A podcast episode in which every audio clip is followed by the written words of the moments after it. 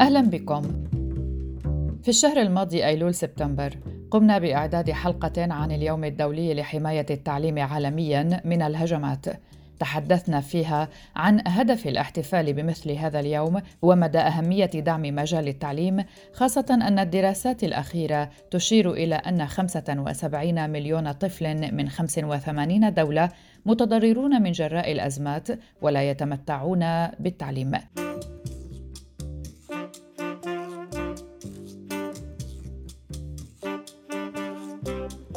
وبعد تقديم هذه الحلقة. تواصل معنا شباب سوريون عبر وسائل التواصل الاجتماعي حتى يتحدثوا عن مبادراتهم بمجال التعليم في سوريا. ومن خلال حلقتنا اليوم سنحاول تسليط الضوء على هذه المبادرات التعليمية إن كانت فردية أو تطوعية. لعله ومن خلال بودكاست في عشرين دقيقة نتعرف أكثر على هذه المبادرات وتكون فرصة مهمة لتقديم الدعم لهم. لذلك ندعوكم للاستماع. أهلا بكم. معكم براء صليبي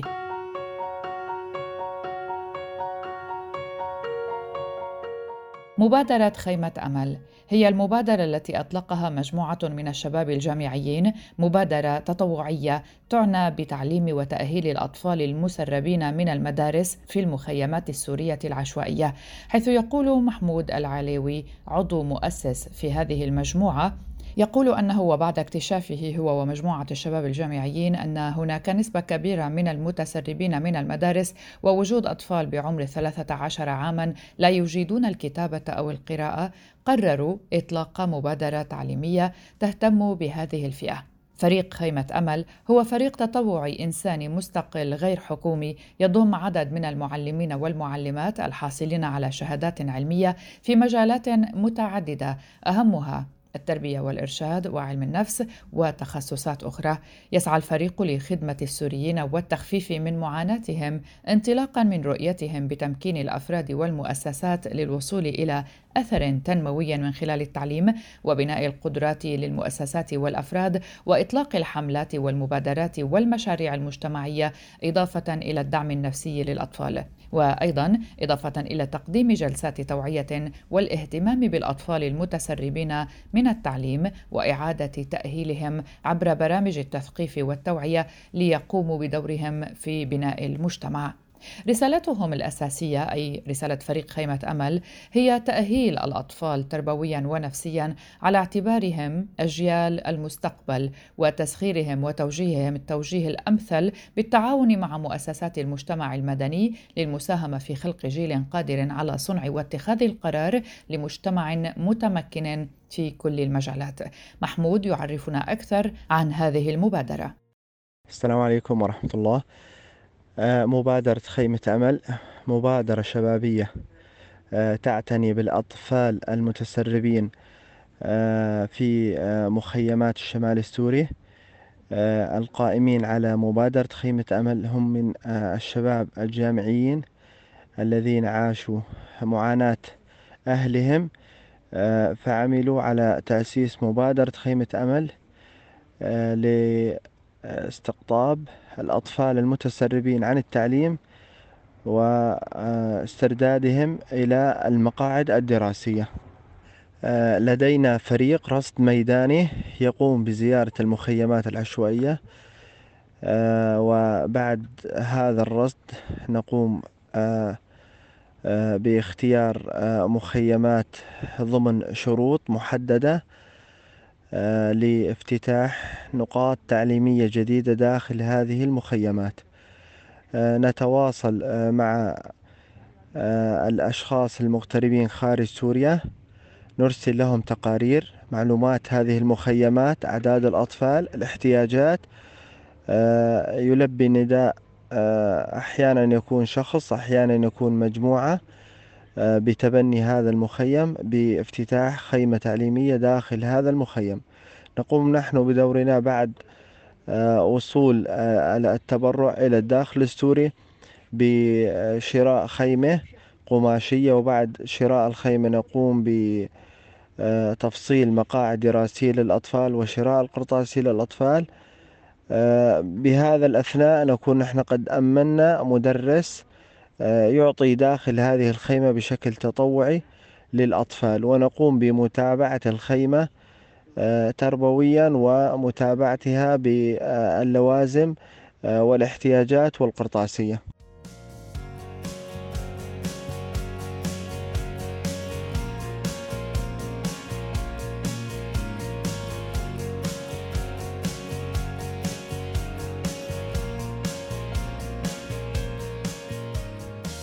لم تتغير فكرة التعليم في عموم المجتمع السوري على اختلاف مكوناته وخلفياته منذ ثمانينيات القرن الماضي وحتى عام 2011 في سوريا، لكن طرأت عدة تغيرات على المجتمع السوري وطالت عدة نواحي حياتية. وأعلنت الكثير من هيئات الأمم المتحدة والعاملة في مجال التعليم أنه وفق الدراسات التي أجراها صندوق الأمم المتحدة في العديد من المناطق السورية تبين أن معدل ارتفاع نسبة المتسربين عن التعليم إلى أعلى المستويات في ظل الصراع السوري المسلح ويعود الأمر إلى تجنيد الكثيرين في القوات المسلحة وانخراطهم في الأعمال العسكرية وتوجه البعض إلى العمالة لتأمين لقمة العيش والبعض الآخر اتجه نحو التسول وتعرض الكثير منهم إلى مستويات متنوعة من التحرش الجنسي والاستغلال الجنسي وانتشار ظاهرة التزويج المبكر وما إلى ذلك. تحاول منظمات المجتمع المدني بشكل مستمر محاربة ظاهرة التسرب للأطفال من التعليم في مختلف المناطق السورية من خلال الحملات التوعوية حيث تقوم بعض المنظمات بالتعاون مع المجالس المحلية والهيئات المجتمعية بتنظيم ندوات توعوية للأهالي كما تقوم مراكز الدعم النفسي بتقديم المشورة اللازمة بهذا الخصوص. ويعتبر التعليم هو الوسيلة الأولى في تأمين الحماية الاجتماعية وذلك من خلال التعليم والتثقيف بغية تمكين الأجيال من إدراك حقوقهم وفهمهم وليس فقط تعليمهم القراءة والكتابة ولكن تطوير مواهبهم وإذكاء مؤهلاتهم. فالمساواة بين الجنسين وإدماج الفتاة بالحياة الاقتصادية هي وسيلة لمكافحة الفقر، وهذا يؤدي إلى تحقيق العدالة الاجتماعية وإلى تعزيز دور ومكانة الأطفال في المجتمع وتعزيز دور المرأة مثلا وعدم اقتصار دورها على الدور النمطي بأن مكانها البيت وتربية الأطفال فقط. من هذا المنطلق يسعى فريق خيمة أمل المؤلف من مجموعة من الكفاءات العلمية إلى منع التسرب المدرسي وإعادة الأطفال المتسربين إلى التعليم والعمل على الجانب النفسي لدى هؤلاء الأطفال في مخيمات الشمال السوري مثلا. الأمر الذي سينعكس إيجابا على بقية فئات المجتمع ككل من خلال هذا المشروع لتوعية المجتمع بكامله. وعلى الرغم من أنها مبادرة تطوعية غير منطوية تحت أي منظمة إلا أن محمود ورفاقه استطاعوا أن يجمعوا بعض التبرعات فلنتعرف معا كيف يتم ذلك من محمود. آه، التبرعات كانت عبارة عن تواصل فردي مع مغتربين خارج سوريا. آه، معظم المغتربين آه، نسبة 80% كانوا بنات. شرحنا لهم فكرة المبادرة. آه، مين الأشخاص القائمين على المبادرة فالكلام آه، كان يدل أنه في عمل أو في في في شغل. آه، أرسلوا لنا المبالغ فنحن بدورنا وثقنا العمل بصور وفواتير شراء المواد و صور يعني موثقة لكل مراحل العمل حتى تجهيز الخيمة حتى دخول الأطفال للمدرسة حتى إعطاء آه، الأطفال داخل هذه الخيمة التعليمية دروس. آه، المساعدات والتبرعات هي كانت آه، معظم الأوقات هي تبرعات بسيطة جدا. يعني تتكفل بشراء الخيمة والمقاعد والقرطاسية. أحيانا بعض الشهور يكون لدينا نقص في القرطاسية. في الآونة الأخيرة كان لدينا نقص في المقاعد الدراسية تأمن آه، قسم من المقاعد القسم الأكبر. الآن نحن على بداية فصل الشتاء فنحن بحاجة مواد آه، تدفئة لهذه الخيام ولهذه الأطفال. آه، لكن التبرعات الأولوية أن تصرف على القرطاسية للأطفال. هذا في البند الأول لدينا. وما تبقى فهو في البنود الأخرى لكن البند الأول هو شراء القرطاسية للأطفال.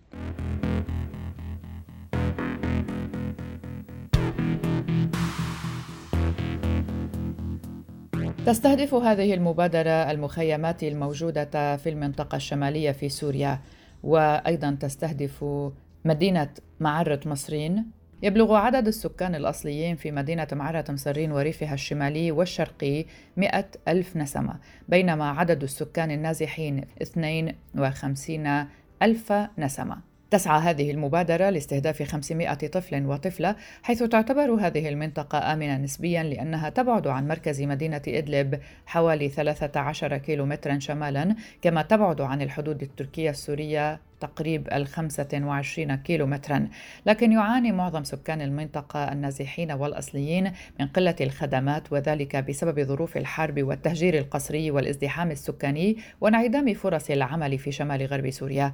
ويقطن في هذه المنطقة الجغرافية ما يقرب الأربعة ملايين نسمة من النازحين والأصليين وهناك قلة في الموارد كما يعاني معظم السكان المهجرين من فقر في المسكن فمعظمهم إن لم يكن كلهم يقيمون في خيم مهترئة لا تقيهم برد الشتاء ولا حر الصيف. المعاناة الأكبر تكمن في نقص كبير في مياه الشرب ويوجد أكثر من 200 مخيم في الشمال السوري تعاني من نقص في دعم المياه والمشاريع الأخرى. أما بخصوص الجانب الصحي فيعاني معظم سكان هذه المنطقة من قلة المراكز الصحية والمشافي وقلة الكوادر الطبية ونقص حاد في توفير الأدوية وخصوصا في ظل انتشار جائحة كورونا. ومن حيث الجانب الإغاثي فإن سكان المنطقة المستهدفة يعانون من شبه انعدام المساعدات الإنسانية وتعتبر المواد الإغاثية الغذائية هي المورد الرئيسي لمعظم السكان فمنذ أكثر من تسعة أشهر لم تقدم لهم أي مساعدات إنسانية. لكن لنتحدث هنا عن الوضع النفسي للأطفال المستهدفين. يعاني الأطفال في المخيمات المستهدفة من الإهمال والحرمان العاطفي أو التزويج المبكر والتمييز بين الذكور والإناث والاعتداء الجنسي لبعض الحالات والعنف الأسري وعمالة الأطفال والتمييز والتهميش وهناك العديد من المشاكل المتولدة عن الأزمة ومنها الانفصال عن العائلة عدم توفر السلامه والأمان النزوح وصعوبة التعامل مع المجتمع المضيف الفقر والحرمان من التعليم.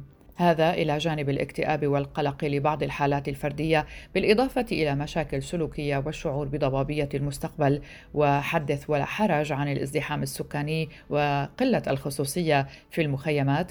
فهل تكفي هذه المساعدات الأطفال المتسربين في المخيمات المستهدفة؟ يجيبنا محمود. إذا كنا آه، نريد تقييم الاحتياج أو تقييم التبرعات التي وردتنا فهي تبرعات جدا قليلة. آه، نسبة للخطط التي وضعناها لافتتاح أكبر عدد من آه، الخيام التعليمية أو النقاط التعليمية والمدارس في المخيمات العشوائية. آه، لكن التبرعات كانت جدا ضعيفة وفردية. الأشخاص اللي ساهموا في مبادرة خيمة أمل وفي دعم التعليم في مخيمات سوريا لا يتجاوز العدد. هو عشرين شخص ثمانين بالمئة نسبة منهم كانت بنات وعشرين بالمئة آه، من الشباب. المرحلة الأولى من المشروع كانت بناء خيمة قماشية داخل المخيم العشوائي. آه، الآن تطورت لدينا الفكرة بسبب آه، فصل الشتاء والعواصف وحر الصيف للأطفال. أنه نقوم بتبديل هذه الغرفة بتبديل هذه الخيمة إلى غرفة صفية. الآن إحنا آه، خلال اثنين وسبعين ساعة استطعنا بناء غرفة آه، بتبرع شخص. آه، سنقوم بتبديل هذه الخيمة إلى غرفة صفية ونقوم بتجهيزها. بقي لدينا 48 ساعة حتى يتم افتتاح هذه الخيمة التعليمية ويتم تجهيزها لاستقبال الأطفال وسنعمل لها إن شاء الله برومو مترجم عن آه، آلية آه، تأسيس هذه الخيمة ومراحل بنائها.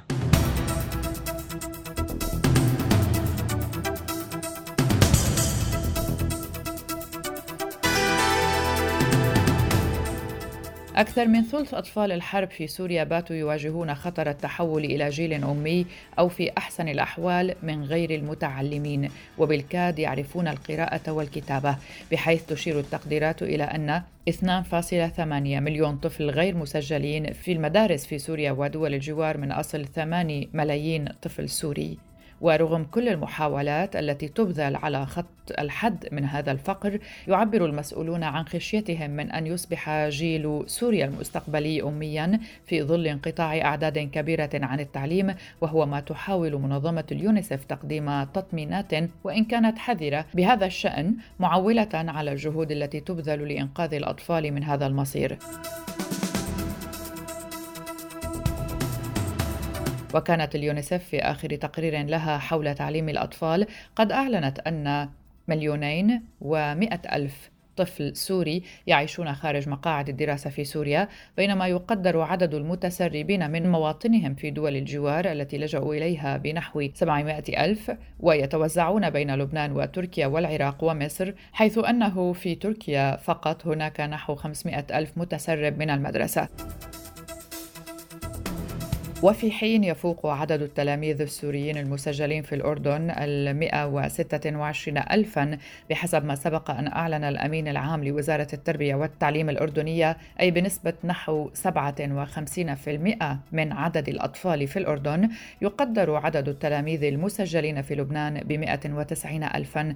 ولفت تقرير اليونيسف إلى أن أكثر من نصف الأطفال السوريين اللاجئين في لبنان موجودون خارج المدرسة لاضطرارهم للعمل العمل لسد لقمة العيش أو بسبب تنقل العائلة المستمر أو لعدم قدرتهم على تحمل تكاليف المواصلات إلى المدرسة.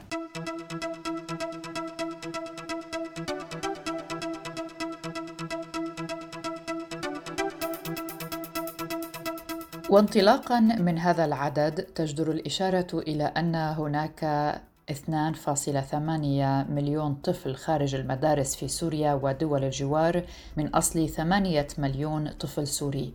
ومؤخرا وبدعم من Open Society University Network أطلقت سوريات عبر الحدود مشروع تعليم لدعم الأشخاص الذين لم يستطيعوا متابعة تعليمهم بسبب ظروف الحرب والتهجير.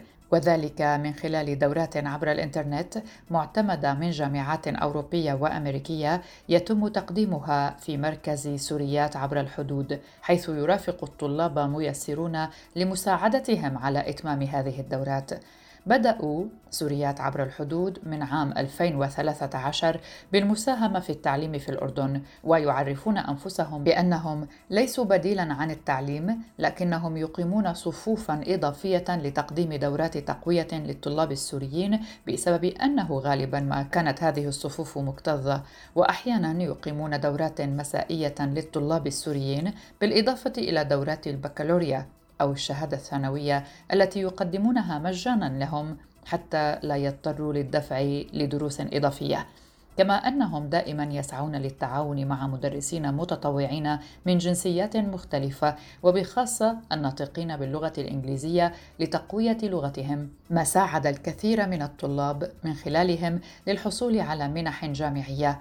أما الموضوع الأجد الذي ذكرناه سابقا والذي يعملون عليه اليوم هو موضوع تدريب الميسرين بالتعاون مع الجامعة الأمريكية. فهم يدربون هؤلاء الميسرين العرب من قبل مدرسين أجانب لتقديم أسهل الطرق للتيسير. وهؤلاء أي الميسرين يصبحون مدربين للطلاب من خلال مواقع أونلاين خاصة بهم.